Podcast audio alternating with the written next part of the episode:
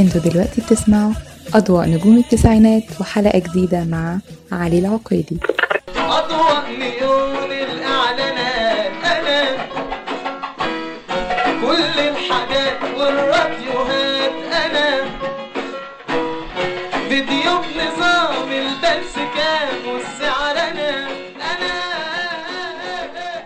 مساء الخير إزيكم يا جماعة؟ وحلقة جديدة وأضواء نجوم التسعينات.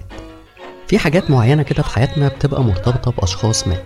وبما إننا بنتكلم عن التسعينات فما ينفعش يتقال الكلمة دي من غير ما يجي قدامك صورة لمجموعة نجوم ويكون هو موجود فيها. مهندس ميكانيكا ومهندس صوت وريكوردر وبيغني عربي وهندي لحد ما يجيبوا مغني هندي. حلقتنا النهاردة عن الإتش هشام عباس. كم مرة يا قلبي تدوب ولا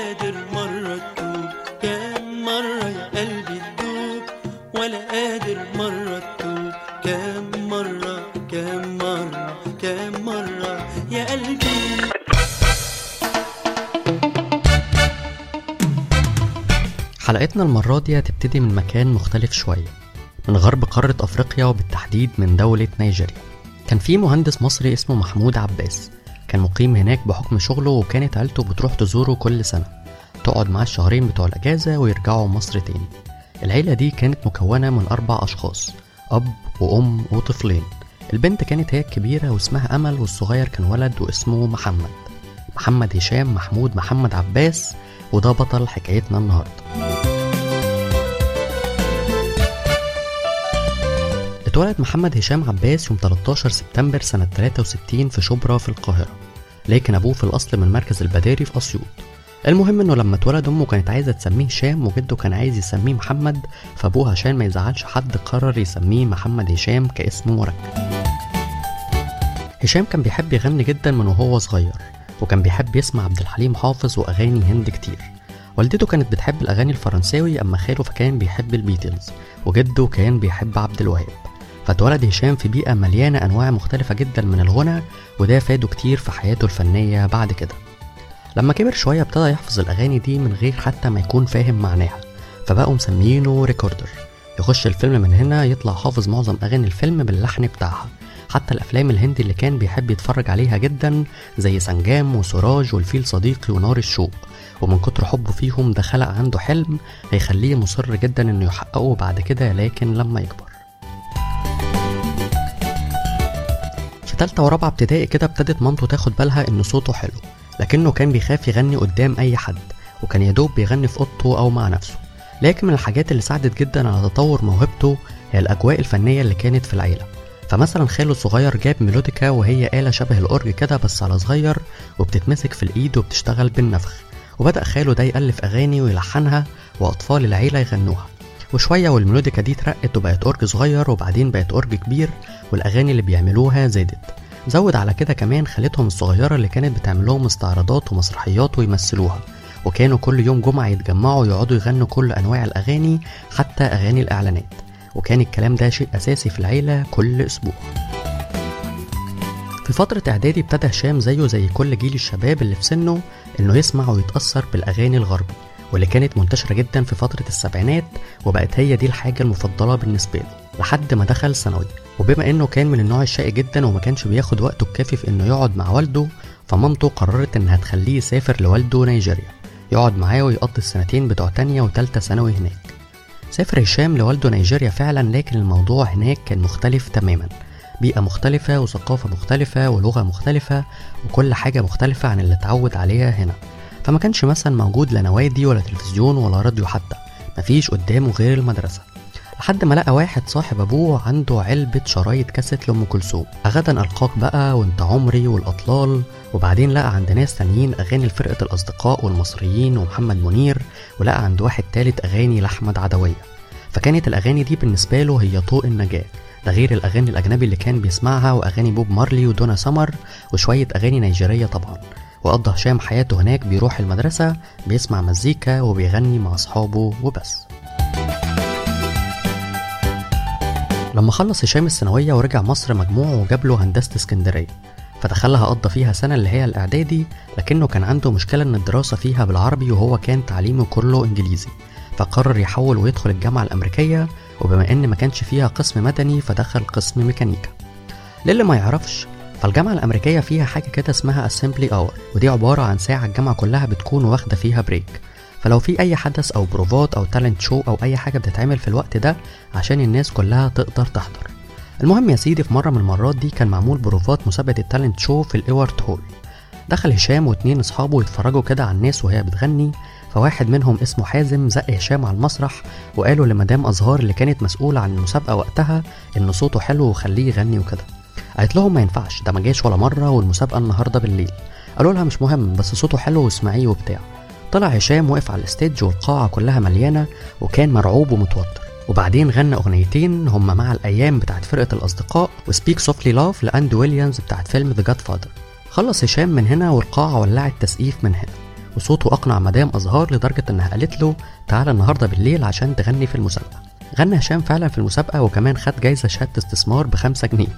ودي كانت بداية شهرته في الجامعة وبداية الطريق بتاعه خصوصا لما اتعمل فريق الكورال على إيد الدكتور محمد ياقوت وكان هشام واحد من أهم الناس فيه وتعلم معاه أصول الغنى الشرقي صح.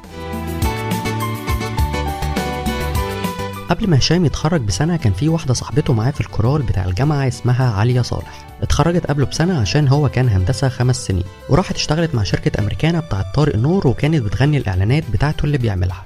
والشركة دي كان ليها شركة تانية تبعها اسمها أمريكانا للصوتيات والمرئيات وكان ماسكها المنتج والمخرج الكبير طارق الكاشف. وعملوا أول ألبوم ليهم مع عليا سنة 87 وكان اسمه لالا لو. وكانت أغانيه عبارة عن إعادة توزيع لأغاني اتعملت قبل كده أو أغاني من الفلكلور زي الشمس الجريئة ويلا بينا يلا وحبيبي يا عيني ومعاهم أغنية لالا لو واللي اتعملت في إعلان من إعلانات شركة أمريكانا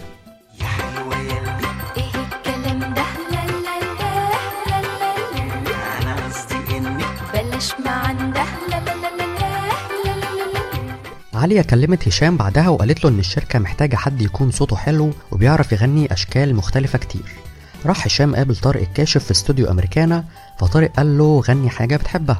هشام غنى له لعبد الوهاب. قال له لا لا لا حاجة خفيفة. فغنى لفؤاد قال له تمام. بتعرف تغني لمين تاني؟ هشام قال له بعرف أغني لكل الناس. وقعد يغني له المنير والعلاء عبد الخالق وغنى له إنجليزي وفرنساوي وهندي كمان. فطارق اتبسط جدا وقال له حلو ده. وقال له إن عنده شوية أغاني أجنبي عايز يعربها ويغنوها. وهو كده كده كان already عمل لسيمون شوية أغاني بنفس الفكرة دي في ألبوم تاني تاني. اتفقوا وعملوا فرقة سموها أمريكانا شو وكانت بتتكون من هشام عباس وعالية ك vocals وانضم لهم بعدها موزع شاب اسمه أحمد الجبالي وكان ساعات بيوزع لهم برضه موزعين تانيين زي فتحي سلامة ومحمد هلال وطارق مدكور وكانت الفرقة بتعمل أربع حاجات. أول حاجة إنها كانت بتقدم فكرة تعريب الأغاني الأجنبي زي ما عملت في أغاني كتير منهم مثلا أغنية مجانين واللي هي في الأصل أغنية Rock Me Amadeus للنمساوي فالكو وكانت سنة 85 وأغنية مورجانا اللي أصلها سوزانا لفرقة The Art Company الهولندية ودي كانت سنة 84 وأغنية حقيقي بوكرالينا وأصلها أغنية ماريا ماجدالينا للألمانية ساندرا وكانت سنة 85 وأغنية يوم وليلة اللي أصلها أغنية Girl from Ipanema للبرازيلية أسترد جيلبرتو سنة 64 مرجانة مرجانة مرجانة حبيتي على البابا ليه تاني حاجة عملتها الفرقة إنها كانت بتعيد توزيع أغاني من الفلكلور أو أغاني مطربين تانيين زي ما عملت في أغاني الولد ده وعلى رمش عيونها وحلاوة شمسنا والدنيا ريشة في هوا وشط اسكندرية. وكمان عملوا أجمل أغاني الأطفال زي ماما زمانها جاية وذهب الليل وأنا عندي بغبغان وبرضه أجمل أغاني الأفراح زي يا ولاد بلدنا يوم الخميس ويا ليلة بيضة ومبروك عليكي حلاوة شمسنا ظلنا الجو عندنا طول تالت حاجة إنهم قدموا أغاني الإعلانات اللي كانت بتعملها شركة أمريكانا وطارق نور. فعملوا أغنية وعد يا وعدي بتاعت إعلان البيفي وعملوا أغنية كان يا مكان لإعلان جيرسي وبنام لإعلان كيتو وعملوا محمود إيديا محمود بتاعت إعلان كاربت سيتي.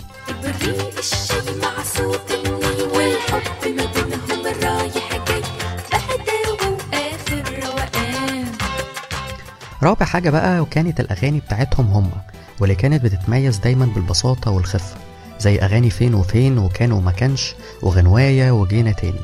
وزي ما كان بيشارك في توزيع الأغاني دي ناس مختلفة مع الموزع الرئيسي للفرقة أحمد الجبالي فكمان الكلمات والألحان كان بيشارك فيها ناس تقيلة منهم مثلا عيد العمر وجمال عبد العزيز وعنتر هلال وحميد الشاعري وإبراهيم فهمي. تحت الضلة اسم الله ما شاء الله. صحبة وشلة وردة وفلة أحباب والله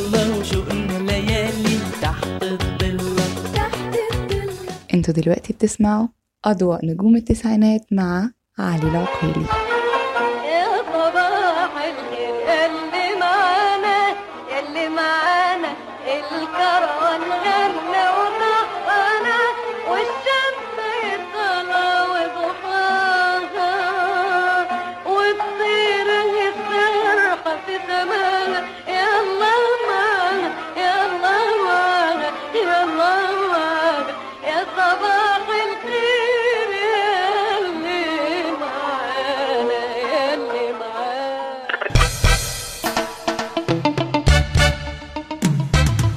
فرقة أمريكانا شو قدمت في الفترة من 87 ل 90 حوالي 8 ألبومات. هما مجانين ووعد يا وعدي وسمعت سمعت وأحلى أغاني الأطفال وأحلى أغاني الأفراح وحلاوة شمسنا وصواريخ وبنان وكانت ناجحة بشكل معقول مع الناس وعاملة جو لطيف. لكن في نفس الوقت ده هشام عباس ما كانش مجرد حد بيغني بس في الفرقة. ده كمان كان بيشتغل مهندس صوت. الموضوع بدأ لما هشام راح استوديو أمريكانا لطارق الكاشف أول مرة وانبهر بشكل المعدات والميكسر والزراير الكتير اللي شبه كابينة الطيارة وكان بيتعلم منه وهما بيشتغلوا في ألبومات أمريكانا شو لحد ما طارق حس إن هشام حابب الموضوع وبقى يديله شغل يعمله فمثلا يقول له خد سجل ال vocals بتاعت أغاني الفرقة أو يديله ألبوم لأي مغني تاني برضه ويقول له اعمل ال vocals بتاعته فعمل ده مع فؤاد ومصطفى السقا ومحمد محي وبقى يسجل بنفسه للمغنيين فسجل ألبوم بتكلم جد لسيمون وحاجات كتير لحميد الشاعري وفرقته وسجل كمان أغنية كابوريا لأحمد زكي وغناها هو بنفسه بعد كده مع فرقة أمريكانا شو في ألبوم صواريخ. أنا في اللابوريا.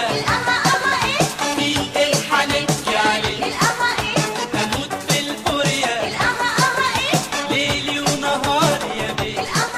هشام وقتها كان بيعتبر نفسه كمان مساعد منتج مع طارق الكاشف فمثلا يسمع إسماعيل البلبيسي بيغني عند الموزع فتحي سلامة فيكلم طارق الكاشف عشان يجيبوه الشركة ويعملوا له ألبوم. وبعدين يقابل عايدة الأيوبي فيعرف إنها هتهاجر ألمانيا فيقنعها إنها تيجي تسجل الحاجات اللي كانت بتغنيها أيام ما كانوا مع بعض في الجامعة. ويحطها لها على كاسيت ويديها لها تحتفظ بيه. وبعدها يسمع الحاجات دي لطارق الكاشف فتعجبه ويخليه يكلم عايدة تاني وتيجي يعملوا لها ألبوم. وهكذا بقى من الحاجات دي كتير. في الوقت ده أبو هشام عباس ما كانش مبسوط طبعا إن ابنه ساب الهندسة ودخل الفن. فهشام قال لأبوه على فكرة يا بابا أنا بشتغل مهندس صوت وخلاه يزوره في مرة في الاستوديو عشان يشوف اللي بيعمله. أبوه لما راح له اتبسط وحس إنه بيعمل حاجة كويسة وقال له تمام أنا حاسس إن أنت مبسوط وأنت بتشتغل وإنك بتعمل حاجة بتحبها وأهم حاجة إن اسمك مهندس. وفي مرة من المرات وهشام كان بيسجل أغنية لمصطفى السقا دخل عليه طارق الكاشف وقال له يلا يلا عايزين نفضي الاستوديو شوية عشان حميد جاي وهناخد له كام shot كده في أغنية جلجلي حطوا الأغنية في ال DAT وشغلوها وابتدوا يظبطوا ال lighting عشان يصوروا حميد. فهشام اتبسط من ال mood وقعد يرقص على الأغنية. فحميد قال له طب ما تيجي ترقص معايا في الكليب. فهشام قال له ب- بس أنا مين؟ حميد قال له كأنك يعني مهندس الصوت ونرقص مع بعض وكده. فهشام قال له ماشي تمام. صوروا الكليب فعلا وهشام طلع فيه مع حميد وكان لسه مربي شنبه وقتها. المهم خلصوا تصوير وقاعدين في الاستوديو. حميد قال لهشام على فكرة أنا عاجبني الأغاني اللي بتعملوها بتاعت أمريكانا شو وكمان بحب صوتك جدا. وقال له إن في أغنية كنت عاملها لوالدي. استنى أسمعها لك. وقعد حميد سمع هشام الأغنية على الأورج فعجبته جدا. وبعدين قال له ها إيه رأيك تغنيها كابو فهشام قال له يا سلام أغنيها طبعا. وكانت الأغنية دي هي أغنية الله يسلم حالك كلمات عادل عمر وألحان وتوزيع حميد ونزلت في ألبوم سهارة لفرقة أمريكانا شو سنة 90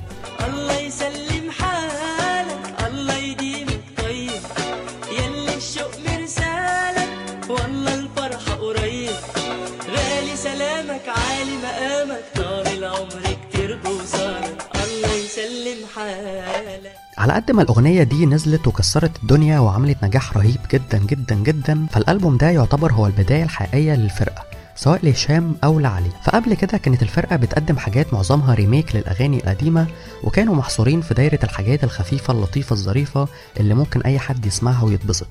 لكن في الألبوم ده كل واحد قدر يثبت إن عنده قدرات كويسة ويقدر يعمل لنفسه طريق ولون مميز في الغنى. فنلاقي هشام جنب أغنية الله يسلم حالك عمل أربع أغاني تانيين.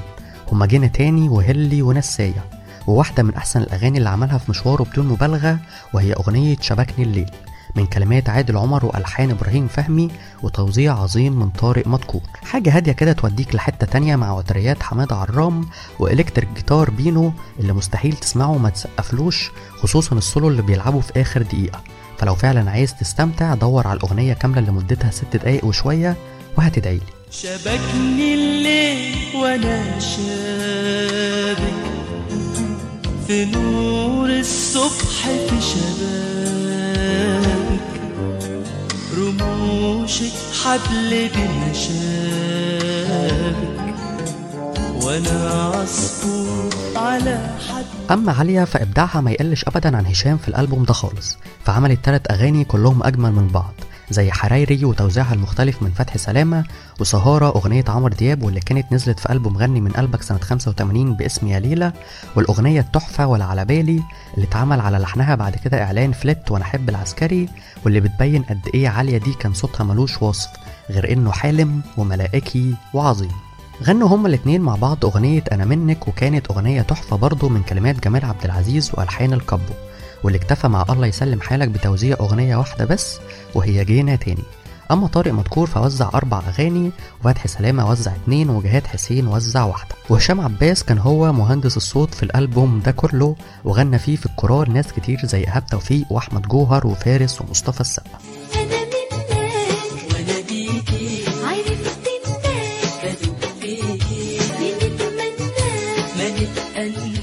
بعد الألبوم هشام عباس راح لطارق الكاشف وقال له نتواصل مع مدرسة في إنجلترا عشان يروح ياخد كورس هندسة صوت 8 شهور. فطارق الكاشف قال له لا بص يا ابني انت مش هتشتغل مهندس صوت انت هتغني.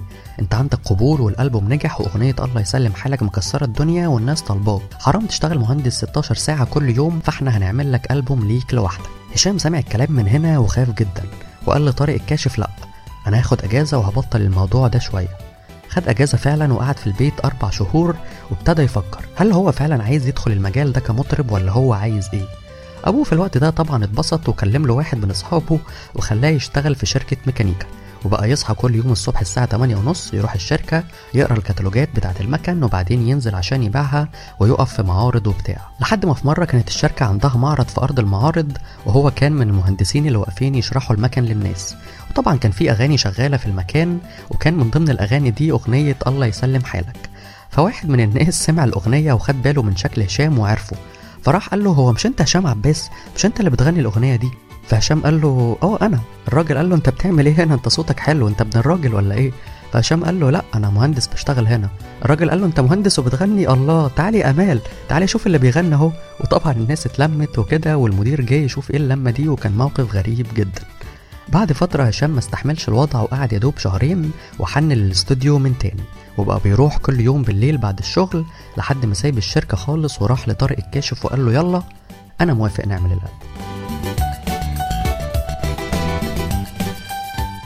ابتدى هشام يشتغل على الألبوم مع حميد وطارق الكاشف وخد منهم أربع شهور تسجيل من يوليو لأكتوبر 91 لحد ما نزل الألبوم باسم حالة وكان مكون من 8 أغاني كلهم طبعا من توزيع حميد ولحن ستة منهم وواحدة من ألحان المرحوم أحمد منيب وكانت من ضمن الألحان اللي حميد خد حق استغلالها وهي أغنية من طفولتي وكانت من كلمات محمد القصاص والأغنية التانية حالة فكانت من ألحان أشرف السراخوجلي وكلمات مصطفى زكي وكان لحنها والبيت بتاعها لطيف مش معتاد قوي وقتها. أما الست أغاني اللي كانوا من ألحان حميد فكانت واحدة بس من كلمات أشرف جلال وهي ودك والخمسة الباقيين كانوا للشاعر المفضل ليه عادل عمر منهم مثلا أغنية مواويل واللي كان لحنها أشبه بموال خفيف مصحوب بإيقاعات شرقية بحتة. وأغنية حبتها اللي في الأصل كان اسمها أفريقيا وكان عملها حميد مع هشام وإيهاب توفيق وحسن عبد المجيد وحنان لدورة الألعاب الأفريقية سنة 91 بعد ما كان حصل خلاف بين حميد وعمرو دياب. لكن الأغنية ما انتشرتش واتعمل على لحنها أغنية حبتها لهشام واستخدمها برضه في إعلان لكوكاكولا بعد كده. وحقيقي لحنها وتوزيعها كانوا مختلفين جدا بدمج التيمبو السريع مع الإيقاعات الشرقية والدرام ماشين فالموضوع كان جميل يعني.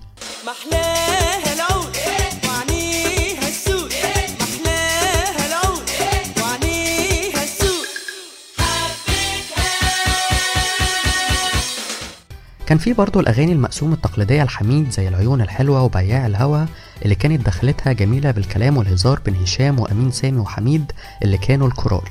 لكن أعظم أغاني الألبوم ده بدون شك وأكتر أغنية نجحت وكسرت الدنيا هي أغنية حلال عليك واللي غنى فيها حميد مع هشام واتعملت كليب في جراج طارق الكاشف. ومن الأشياء المضحكة إن الأغنية دي قعدت فترة كبيرة جدا ممنوعة من العرض على التلفزيون بحجة إن فيها كوتشينة وإنها ممكن تكون بتشجع على لعب القمار والحاجات دي.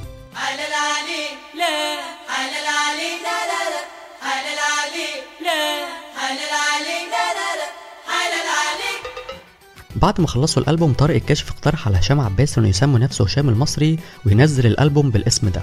وهو كان already استخدم الاسم ده قبل كده في شغله في الكورال أو كمهندس صوت في ألبومات اسألي الفؤاد وبتكلم جد لسيمون وسحرك لفارس لكن هشام رفض وقال له لا ماله هشام عباس؟ ما أنت عندك عمرو دياب وعندك مدحت صالح. يعني دياب وصالح عادي وعباس هو اللي بلدي؟ طب ده أنا حتى في كوبري باسمي. وصمم هشام في الآخر إنه ينزل باسمه عادي هشام عباس. بعد ما نزل الألبوم وكان عبارة عن 8 أغاني بس ضافوا عليه أغنيتين تانيين هما ناني من كلمات وألحان مسعد رضوان ودلوني من كلمات حسن الصيد وألحان إبراهيم فهمي. وكان الأغنيتين من توزيع طارق مدكور ورجعوا بعدها نزلوا الألبوم تاني وبقى فيه منه نسختين في السوق. واحدة 8 أغاني وواحدة 10 لكن في الحالتين فالألبوم نجح جدا وحط هشام عباس على أول طريق النجومية. أنتوا دلوقتي بتسمعوا أضواء نجوم التسعينات مع علي العقيلي محمود إيه ده يا محمود؟ يا جميلة محمود يا محمود؟ أوضة نوم كربتيتي يا فضيلة محمود؟ يا محمود أوضة سفرة كربتيتي يا عائلة محمود؟ يا محمود موبيليا كربتيتي يا جميلة موبيليا كربتيتي الصنعة محمود يا محمود؟ في نفس السنة وبعد ما هشام عمل أول ألبومات وحالة وبعد ما عليا برضه عملت أول ألبوماتها ما تعرفيش السنة اللي قبلها رجعوا تاني بالألبوم العاشر مع فرقة أمريكانا شو وهو ألبوم ست الكل. الألبوم ده كان مكون من 8 أغاني غنت عالية منهم أربعة أولهم هي مسينا من كلمات حسن الصيد وألحان إبراهيم فهمي وإعادة تقديم من بحر وبن حبوب بتاعت هدى سلطان وأغنية يوم وليلة اللي نزلوها قبل كده في ألبوم مجانين والرابعة هي أغنية الليالي ومكتوب إنها من ألحان وتوزيع محمد هلال لكنها في الحقيقة متاخدة من أغنية دوست دوست ناراها من الفيلم الهندي سنجام واللي كان سنة 64 هشام كان ليه في الألبوم ده تلات أغاني هما ناني ودلوني اللي قلنا إنهم اتضافوا على ألبوم حالة ومعاهم أغنية الله يسلم حالك بتوزيع مختلف عن اللي نزل قبل كده. أما الأغنية الأخيرة في الألبوم فكانت تريو بين هشام وحميد وعالية وهي أغنية ست الكل.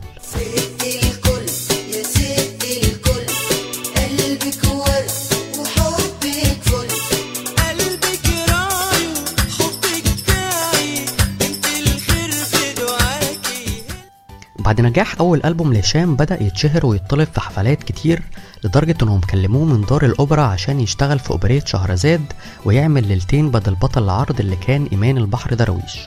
حصل خلاف بعدها وإيمان مشي فهشام بقى يتمرن ويعمل بروفات كتير ويجهز نفسه بكل قوة عشان يبقى هو البطل. لكنه اتفاجئ إنهم جابوا المطرب محمد رؤوف وهيتقسموا هما الاتنين الليالي. فهشام اتضايق واعتذر عن الموضوع ومحمد رؤوف هو اللي كمل الدور. في الفترة دي هشام ابتدى نشاطه الفني يزيد فشارك في أغنية العالم قام مع حميد وفؤاد وحنان وإيهاب وناس كتير تانية وكانت معمولة عشان حرب الخليج. وشارك برضه في أغنية أفريقيا اللي قلنا إنها كانت معمولة لدورة الألعاب الأفريقية. وغنى مع صديقة الجامعة الجميلة عايدة الأيوبي في أغنيتين في ألبومها من زمان اللي نزل سنة 93 هما غنيت للهوى ومصبرني. وشارك برضه في ألبومين من ألبومات الكوكتيل بتوع High Quality واحد واتنين بأغنيتين. هما علينا يا هوا وقولوا لحبيبي اللي كان بيتقال عليها إنها أغنية مظاهرة عشان طريقة غناها. وكانوا طبعا من كلمات عادل عمر وألحان وتوزيع الكابو حميد الشاعري. معاك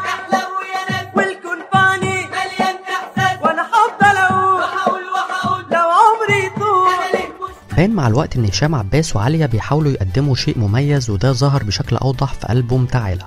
واللي عملوه مع بعض سنة 94 قبل كده كانت ألبومات أمريكانا شو بيتكتب عليها من بره فرقة أمريكانا شو بخط كبير وفي الجنب كده أو في الناحية التانية من الكفر كان بيتكتب أساميهم. لكن في الألبوم ده الوضع اختلف. فاتكتب بخط كبير هشام عباس وعليا وتحتها فرقة أمريكانا شو بخط أصغر. وده كان دليل كبير على إنهم ابتدوا يبقوا نجوم وأساميهم بقت تسمع وتتعرف وتبيع. الألبوم ده كان مكون من 11 أغنية. منهم أربع أغاني كان سبق وقدموها في ألبومات قبل كده. هما ولا على بالي والليالي وست الكل ومن بحري وقدمت عليا أغنية جديدة اسمها أنا مغرمة كلمات علي السيوفي وألحان بهاء حسني.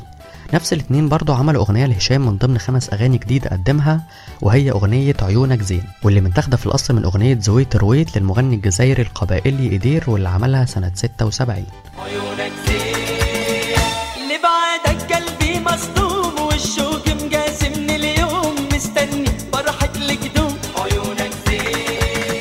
عمل هشام أغاني تانية زي القمر وأيوب اللي بدايتها كان موال صغير كده وباين فيها قانون ماجد سرور جدا وأغنية آه من عينيها السود واللي تعتبر واحدة من أجمل أغاني هشام عباس وكانت بداية تعاونه مع الملحن الكبير صلاح الشرنوبي.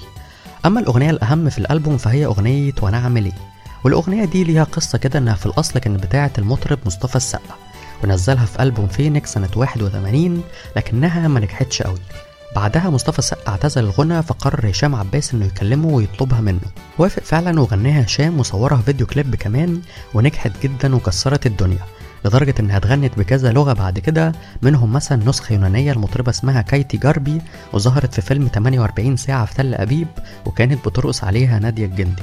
والحاجة الأعظم من كده واللي ما يعرفهاش ناس كتير إن الشاب خالد كمان غنى الأغنية دي سنة 2000 وتم الاستعانة بيها في الفيلم الفرنسي أوغجين كونتغولي وأنا وأنا وأنا وأنا وأنا اعمل إيه؟ وأنا وأنا وأنا وأنا وفي ايدي شوق جوايا بيغني عايش احلام التمني آخر أغنية في الألبوم فكانت أغنية تعالى وكانت دويتو بين هشام عباس وعليا. الأغنية حقيقي من أجمل الحاجات اللي هما الاتنين عملوها مع بعض. واتصورت فيديو كليب في طريق السخنة لكن اللي ظهرت في الكليب كانت موديل مش عالية لأن عالية ما كانتش بتحب الشهرة ولا إنها تظهر كتير. وكانت الأغنية من كلمات محمد الصواف وألحان وتوزيع بهاء حسني. تعالى تعالى نقول سوا اللي إحنا ما قلناهوش. تعالى. الليل عايزنا نسهر وليه ما نسهروش؟ الألبوم نجح جدا وسمع مع الناس وبقى اسم هشام عباس واحد من الأسامي المشهورة على الساحة وقتها. ومع المشاكل اللي حصلت لحميد في الفترة دي وإيقافه من النقابة اضطر هشام إنه يشتغل مع موزع تاني وكان الموزع ده هو بهاء حسني. بهاء كان ملحن وموزع لسه جاي من الإمارات وكان بيحاول إنه يبتدي مشواره وكان عنده مخزون أغاني شرقي كتير جدا وكمان كان بيلعب أكورديون. ابتدى التعاون بيهم في أغنية ونعمل إيه وهشام حب شغله فيها فقرر إنه يشتغل معاه باقي أغانيه كلها في ألبوم تعالى. ولما الألبوم نجح كمل التعاون معاه كمان في ألبوم هشام 95 أو جوابك زي ما بيتسمى. الألبوم ده هو الألبوم التاني المنفرد لهشام عباس بعد ألبوم حالة. بما إننا نقدر نعتبر إن ألبوم تعالى كان تبع فرقة أمريكانا شو. وبالنسبة لي فالألبوم ده هو واحد من أقوى ألبومات هشام على المستوى الفني وكان واخد طابع شرقي جدا لوجود بهاء حسني اللي وزع ست أغاني في الألبوم واعتمد فيه بشكل كبير على الإيقاعات الشرقية وطبعا الأكورديون اللي هو آلته الأصلية. ظهر ده بوضوح في أغنية ساعة لقلبك اللي كانت من كلمات أحمد شتا وألحان صلاح الشرنوبي واللي عملوا مع بعض برضه أغنية أحلى ما فيكي واللي اتصورت كليب في وادي النطرون والموديل اللي ظهرت فيه كان اسمها ياسمين التودي وكانت واحدة من أجمل ال models اللي ظهروا في الفترة دي. فلو حصل يعني معجزة وسمعت البودكاست ده بأي طريقة فأنا حابب أبعت لها تحياتي. أحلى ما فيكي كل ما فيكي. رمشك سحرك قلبك كلك آه يا ما نفسي أبوح وأقولك إني غرقت في بحر عينيكي آه عينيكي آه عينيكي. الأغنية دي كمان اتاخدت واتغنت باسم أراجي ليلى في فيلم هندي كده اسمه غريب وكان سنة 96 لحن صلاح الشرنوبي برضو واحدة من أجمل الأغاني في الألبوم ده وهي أغنية كام مرة واللي كانت من كلمات عوض بدوي واتعملت كليب برضو وكالعادة كان مسيطر عليها الإيقاعات الشرقية والرق والقانون. ومن الأسامي الجديدة اللي شفناها بتتعامل مع هشام عباس لأول مرة هم صبر رياض وحسن دنيا في أغنيتين هم لا كلام الهوى وجوابك واللي ناس كتير بتعتبرها هي اسم الألبوم. وكان موجود حسن دنيا بلحن تالت مع حد جديد برضه وهو أيمن بهجة قمر في أغنية جوه عيوني اللي كان فيها سيكة اختلاف يعني إلى حد ما عن باقي الأغاني حتى ولو بشكل بسيط. بشوية إفكتس كده ممزوجة مع الإيقاعات والأكورديون وجيتار الجميل عمرو طنطاوي. أما بالنسبة للأغاني اللي ما كانتش من توزيع بهاء حسني فشفنا أغنية يا مدوب روحي من توزيع حميد. وكلمات مصطفى زكي وألحان علاء سلام وكانت من نوعية أغاني حميد اللي كلنا عارفينها. وأغنية عيون الناس من كلمات وليد رزيقة وألحان صلاح الشرنوبي ودي اللي كانت غير تقليدية تماما ومختلفة جدا عن كل الأغاني اللي في الألبوم واللي في الفترة دي عموما. فكانت شكل جديد بال beat section وجمل الكمانجات العظيمة من الموزع أشرف محروس والأغنية دي هشام كان مغنيها لمراته واتعملت كليب وكانت لقطاته متاخدة من سفريات ليهم في لندن وأمريكا.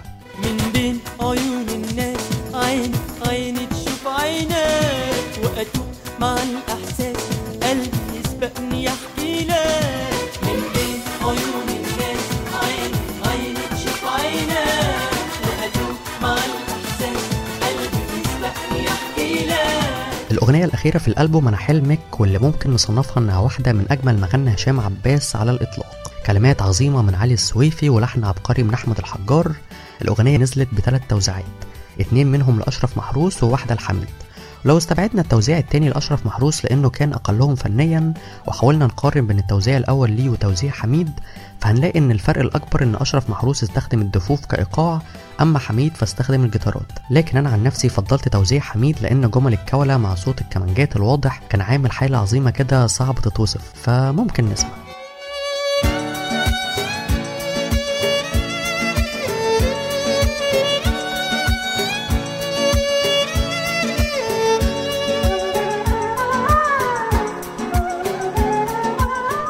الألبوم كمان نزل فيه أربع أغاني كاريوكي مزيكا بس وكان خطوة مهمة جدا في مشوار هشام عباس قدر بيها إنه يثبت رجليه في الوسط ده بالناس كتير كان ليهم شهرة وأسامي كبيرة وبقى ليه تأثير كمان في سوق الكاسيت من خلال مبيعات ألبوماته اللي بقت بتزيد مع الوقت وبتقولي أنا في الكون لوحدية ومنسية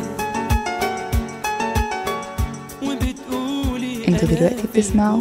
أضواء نجوم التسعينات مع علي العقيلي. تلفينه سوسيس بيفي حتة كافي من اللحم البقري شيل اللي بابك لذيذ الطعم ما تحط البيفي مشبع ومغذي هات الشامي. سوسيس بيفي ما تاخد لك نصه. طازج ومطازج. وحط البيفي سوسيس بيفي واديله لفة. اديله لفة.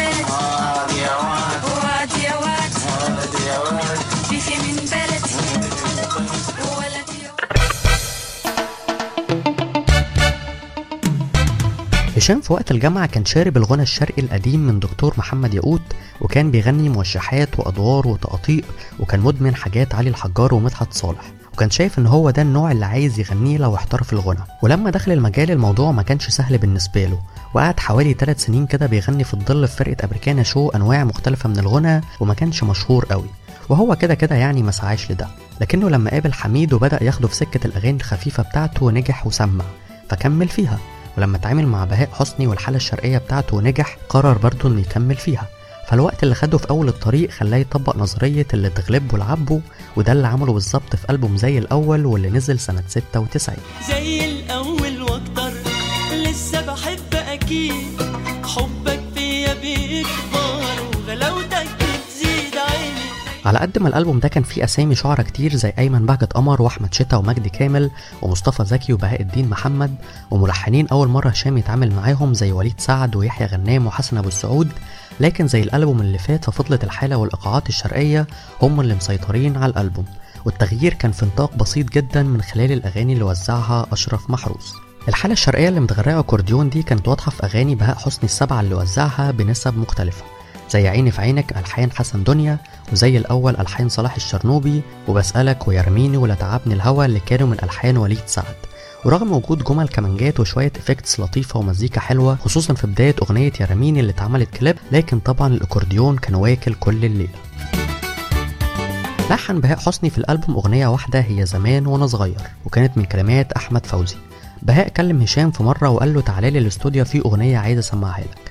هشام راح له لما سمعها طار بيها جدا وحبها وخدها بدون تفكير واتنفذت بشكل جميل هي والكليب وقدرت تخلينا نتعلق بيها لأنها بتجسد حقيقة كلنا بنحسها وأثرت في ناس كتير جدا لدرجة إن في كذا فنان كلموا هشام عباس بعد ما نزلت وقالوا له إنها بتعبر عنهم ومنهم الجميل علاء ولي الدين الله يرحمه. زمان زمان وأنا صغير كنت بحلم أبقى كبير أبقى كبير. تعب القلب وتحير من الدنيا ومن المشاوير. من أجمل أغاني الألبوم برضه أغنية عمال يحكي لي عنها من كلمات بهاء الدين محمد وألحان حسن أبو السعود. الأغنية دي ممكن تكون واحدة من أغرب الأغاني اللي ممكن تسمعها في حياتك من ناحية الموضوع. فإن إزاي أصلا حاجة زي كده ممكن تحصل؟ ولا إن حد يحكي لحد عن حبيبته لدرجة إنه يتعلق بيها ويحبها؟ لأ وهي كمان برضه تتعلق بيه. فكرة مختلفة وغريبة شويتين من بهاء الدين محمد لكنها بالتأكيد واحدة من أجمل أغاني الألبوم ومن أكتر أغاني هشام عباس اللي اتشهرت واللي أنا بحبها والأغنية اتعملت فيديو كليب واتصورت في ميدان الكوربة في مصر الجديدة. عمال يحكي لي عنها عمال يوصف لي فيها وكلامه هز قلبي خلاني حلمت بيها. ظهر حميد الشاعري في الألبوم ده بأغنية واحدة كانت من تلحين وتوزيعه وهي أغنية قدك من كلمات أشرف جلال.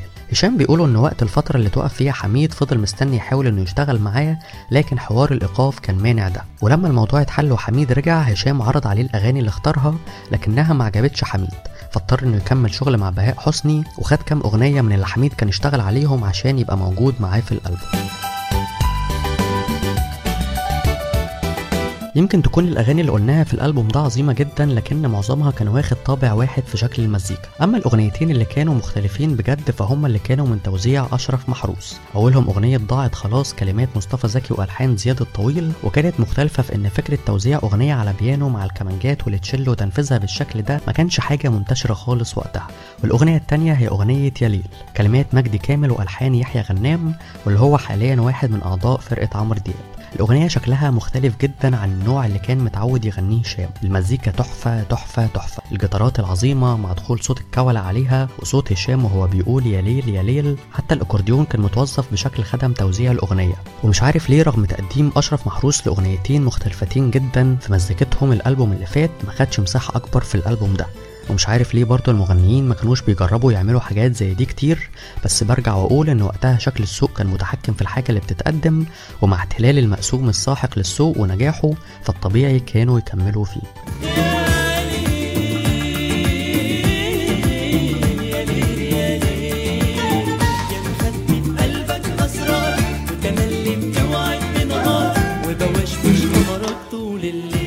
وزي ما عمل هشام في الألبوم اللي فات فحط في الألبوم ده خمس أغاني كاريوكي برضه.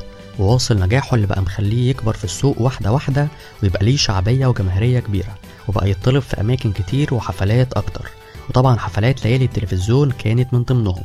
لكن في واحدة من الحفلات دي كان معاه ميادة الحناوي ووديع الصافي وكان المفروض يطلع على المسرح الساعة واحدة بالليل لكن فقرته اتأجلت لحد الساعة 4 الفجر. وكان طلب يعمل بروفات قبل ميعاد الحفلة لكنهم ما وافقوش بحجة إن المسرح اتجهز للحفلة خلاص. وكمان اجهزة الصوت اللي كانوا بيستخدموها كانت قديمة من وجهة نظره ولما غنى ما ظهرش صوت الكمانجات كويس فخد قرار من بعدها إنه ما يطلعش حفلات ليالي التلفزيون تاني. في سنة 97 هشام فضل إنه يستفيد بنجاحه ويستغل ده في إنه ينتشر بشكل أكبر في الحفلات زي ما قلنا وحب ياخد وقته في تجهيزه للألبوم الجديد. واكتفى بإنه يشارك بعض المطربين التانيين في أغانيهم. فمثلا غنى الكورال بتاع ألبوم جريء لعلاء سلام. وعمل أغنية قلب القاسي مع داليا في ألبومها بحبك أنت واللي كانت واحدة من اكتشافات حميد وكانوا بيقولوا عليها فيروز المنصورة. لكن الأغنية الأهم والأجمل والأعظم واللي يمكن تكون واحدة من أهم أغاني التسعينات على الإطلاق وعلامة من علامات تاريخ هشام عباس وحميد الشاعري هي أغنية عيني. الأغنية كانت من كلمات وألحان العبقري عنتر هلال ونزلت في ألبوم عيني الحميد وحققت نجاح جبار والكليب بتاعها كان iconic حقيقي. شلال جمال ونوستالجيا بتغرق فيه مجرد بس ما تفتكرها.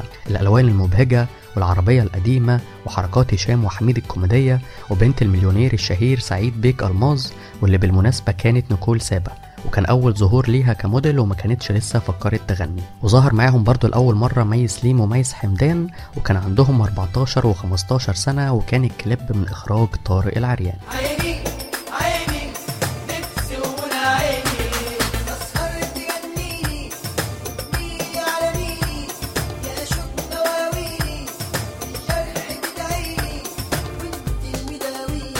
مع نهاية 97 وبداية 98 وفي الوقت اللي كانت شركة أمريكانا قررت تغير فيه اسمها عشان يبقى أفريكانا كان هشام عباس على موعد مع واحد من أهم ألبوماته في الفترة دي وهو ألبوم يا ليلى الألبوم ده كان مختلف تماما في حاجات كتير.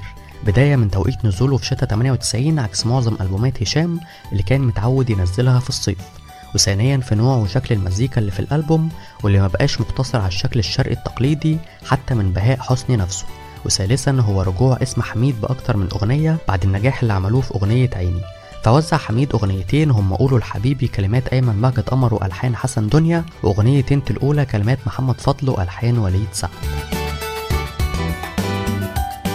شفنا ظهور أسامي جديدة زي حسام الدين شوقي وإبراهيم نصير في أغنية اتمنيتك.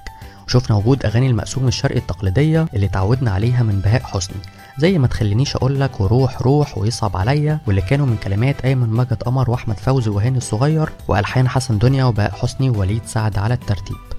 عمل وليد سعد برضه أغنية ليالي الشوق من كلمات مصطفى زكي واللي تعتبر واحدة من أجمل ألحانه في الفترة دي. وأول ما تسمع الأغنية ينط في بالك على طول أغنية يا ليل اللي اتكلمنا عنها الألبوم اللي فات واللي كانت من ألحان يحيى غنام فكانت نفس شكل التوزيع وشغل الجيتارات وكلمة يا ليل اللي هشام بيقولها كذا مرة في الأول. والغريب إنها كانت من توزيع بهاء حسني اللي قرر المرة دي إنه يتمرد شوية على الشكل الشرقي التقليدي بتاعه. ليالي الشوق لها إحساس ما يوصفش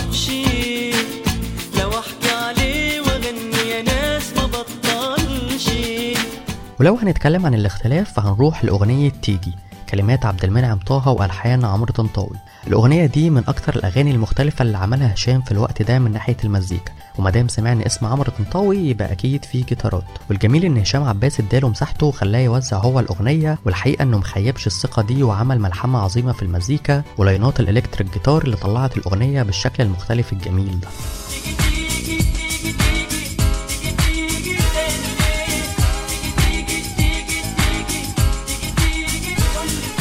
ومن كلمات عنتر هلال غنى هشام بدر عليك الهوى يا صغير. والأغنية دي كانت أول ألحان رياض الهمشري لهشام عباس وبان فيها جدا قدراته التلحينية. وحتى توزيعها الشرقي من بهاء حسني كان محطوط في محله ولايق عليها عكس أغاني تانية كتير كانت ممكن تتعمل بشكل ولون مختلف. لما رياض الهمشري قدم أغنية بدر عليك الهوا يا صغير لهشام عباس سمعوا معاها مطلع أغنية بيقول يا ليلى يا ليلى يا ليلى. لكنه ما كانش لسه كمل لحنها ولا كان في باقي حتى للكلام. ولأن هشام عنده مخزون عظيم من الأغاني القديمة وأغاني الفلكلور اللي كان بيغنيها وهو صغير وأيام رحلات الجامعة جت في باله أغنية بتقول ما تجوزيني يا أما حاضر يا ولدي حاضر يا ولدي واقترح على رياض الهمشري إنهم يدمجوا الاتنين في بعض وبعدين جه العبقري عنتر هلال وكتب الكلام وحط بصمته في الأغنية. فزود الجملة بتاعت لولا ولولا عيونك دولة ما كنت عشقت ودبت الليلة أنا أول عمري الليلة. وظهرت للنور أغنية يا ليلى في بداية شتاء 98 واتعملت كليب على لقطات من حفلة لهشام عباس. وللمصادفة إن في وقت انتشارها كانت بتتلعب بطولة كأس الأمم الأفريقية في بوركينا فاسو واللي كسبها منتخب مصر وكانت بتتذاع قبل وبعد كل ماتش تقريبا. ولأننا كسبنا البطولة فبقت الأغنية دي هي الراعي الرسمي لكل احتفالات المنتخب وقتها وارتبطت معايا ومع ناس كتير بذكريات البطولة دي مجرد بس ما بسمعها.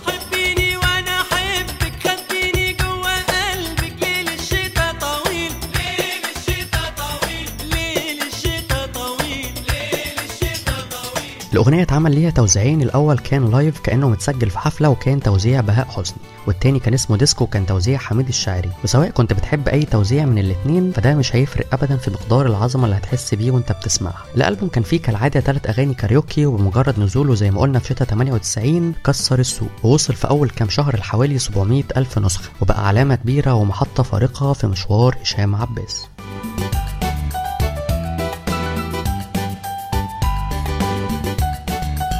وعشان هشام يستغل موسم الصيف وما يغيبش عنه فقرر إنه يعمل حركة ذكية وينزل ألبوم فيه 12 أغنية منهم 10 من أجمل أغانيه اللي كانوا من توزيع حميد الشاعري وبهاء حسني في الفترة من 88 لحد 95 هما ودك وأنا أعمل إيه؟ الله يسلم حالك. جوه عيوني ساعة لقلبك بياع الهوى عينيها السود وحبتها.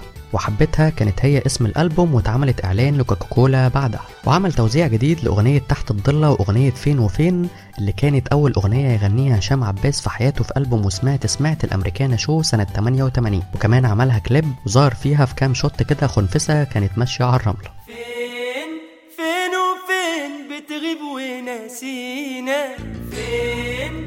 فين وفين فاكر أراضينا الألبوم كان فيه خمس أغاني كاريوكي وأغنيتين بس جداد هم عشان خاطر الكلمات مصطفى زكي ومشيتي وين كلمات عادل عمر وكان الأغنيتين ألحان وتوزيع حميد. لكن أغنية مشيتي وين فهي في الأصل من التراث الليبي للفنان محمد رشيد وكان غناها سنة 71 أنتوا دلوقتي بتسمعوا أضواء نجوم التسعينات مع علي العقيلي. كوك كوك كوك كوكا كولا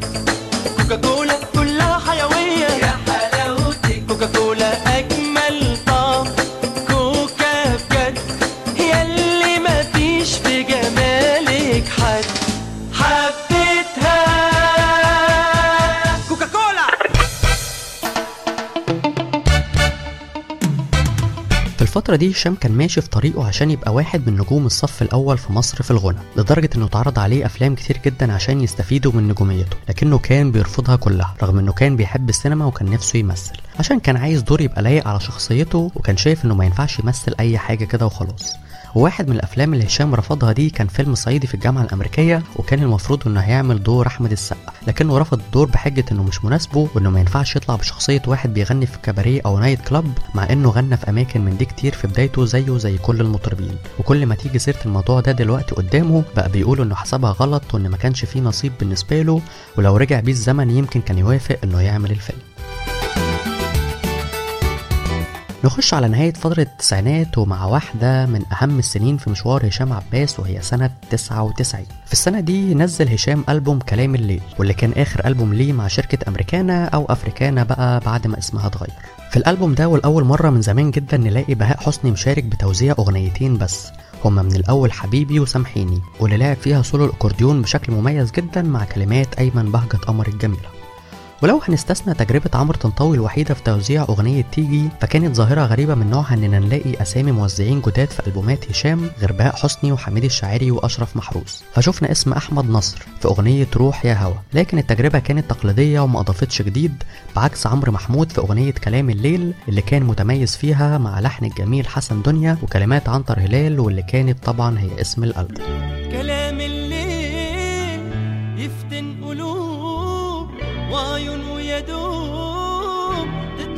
الشمس تطلع الشمس تطلع الشمس. وفي رجوع لمكانته الطبيعية في ألبومات هشام موزع الكابو في الألبوم ده أربع أغاني. هما أنت الوحيدة ألحان حسن دنيا وسمعتيني اللي شهدت رجوع صلاح الشرنوبي بعد غيابه عن ألبوم يا ليلى. وكانت كلمات العظيم عمر بطيشة وتعتبر هي الأغنية الوحيدة اللي كتبها لحد من مغنيين الجيل ده. شفنا برضو أغنية هاتي كلمات عنتر هلال وألحان إسماعيل البلبيسي مطرب أغنية وأنا من البداية يا غربة بتحملي. والحقيقة إن لحنها كان غريب ومختلف جدا وبرضو الكابو أضاف ليها جمال بتوزيعه المتميز. وكان فيها جزء غريب كده بيتقال بالإنجليش مش عارف الحقيقة هل ده كان من ضمن التوزيع ولا إيه لكنه كان شيء مختلف ولذيذ.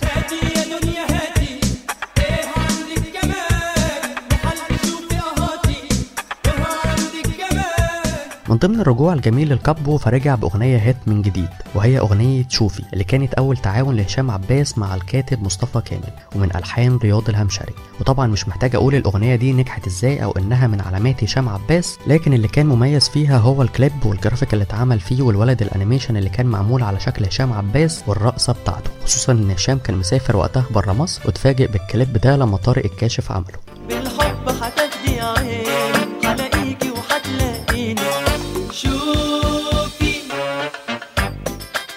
نزل الألبوم كان فيه كالعادة أغاني كاريوكي لكن المرة دي زادوا شوية فكانوا سبع أغاني. وعلى قد ما حقق هشام بالألبوم ده نجاح مش بطال لكن النجاح الحقيقي بالنسبة له كان هو اللي حصل في صيف 99 لما تم اختياره من وزارة الشباب والرياضة ومؤسسة الأهرام عشان يغني في حفلات القرعة والافتتاح والختام لبطولة كأس العالم لكرة اليد واللي استضافتها مصر لاول مرة في تاريخها. غنى هشام في حفل القرعة واللي كان معمول في دار الأوبرا فحقق حلمه بالغنى فيها بعد ما اعتذر عن مشروع أوبريت شهرزاد سنة 92 وفي 1 يونيو 99 أحيا هشام عباس حفل الافتتاح في الصالة المغطاة لإستاد القاهرة وغنى فيها أغنية أرض الشرق من كلمات بهاء الدين محمد وألحان رياض الهمشري وتوزيع أشرف محروس. وكانت واحدة من أجمل الأغاني اللي اتعملت في افتتاح البطولات الكبيرة في مصر وغنى فيها بالعربي والإنجليزي. أهلا بيك. عالأرض السمراء وسط النيل والخضرة الساحرة. غنى هشام كمان في حفل الختام أغنية يا قمرنا من كلمات أيمن بهجت قمر وألحان رياض الهمشري وتوزيع أشرف محروس وبهاء حسني. ونزل هشام بعدها ألبوم باسم أرض الشرق حط فيه الأغنيتين دول مع أغنية يا قمر أخضر اللي كانت معمولة للأطفال. ومعاهم أسماء الله الحسنى اللي كانت من ألحان سيد مكاوي وحفظها في الكورال أيام الجامعة. واللي بقت فقرة مهمة وجزء لا يتجزأ من أفراح وحفلات وأعياد ميلاد المصريين بعد كده وكان الألبوم ده من إنتاج شركة Free Music.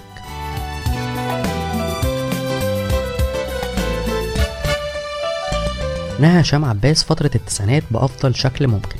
مطرب ناجح جدا ومشهور على مستوى مصر والوطن العربي. أغانيه ليها تقلها وشعبيتها وبتخش وتكسب في استفتاءات كتير. ألبوماته بتنافس مع عتاولة السوق وفي منها اللي حقق مبيعات كبيرة جدا في وسط المنافسة الشرسة اللي كانت موجودة وحرب سوق الكاسيت. وفوق كل ده في إحيائه الحفل حدث كبير زي كأس العالم لليد خلى الناس كلها تبقى عينها عليه. ونقله لحتة تانية خالص مهدت له الطريق عشان يعمل في الألفينات ثورة كبيرة جدا كانت غريبة على شكل الأغنية المصرية وغزوه لأسواق جديدة في الشرق الأقصى من العالم وتحقيقه لحلم طفولته في إنه يغني بالهندي. وبالتأكيد هيظل هشام عباس واحد من أهم مطربين التسعينات وواحد من مجموعة كده بتيجي صورتهم في بالي أول ما الكلمة دي بتتقال قدامي.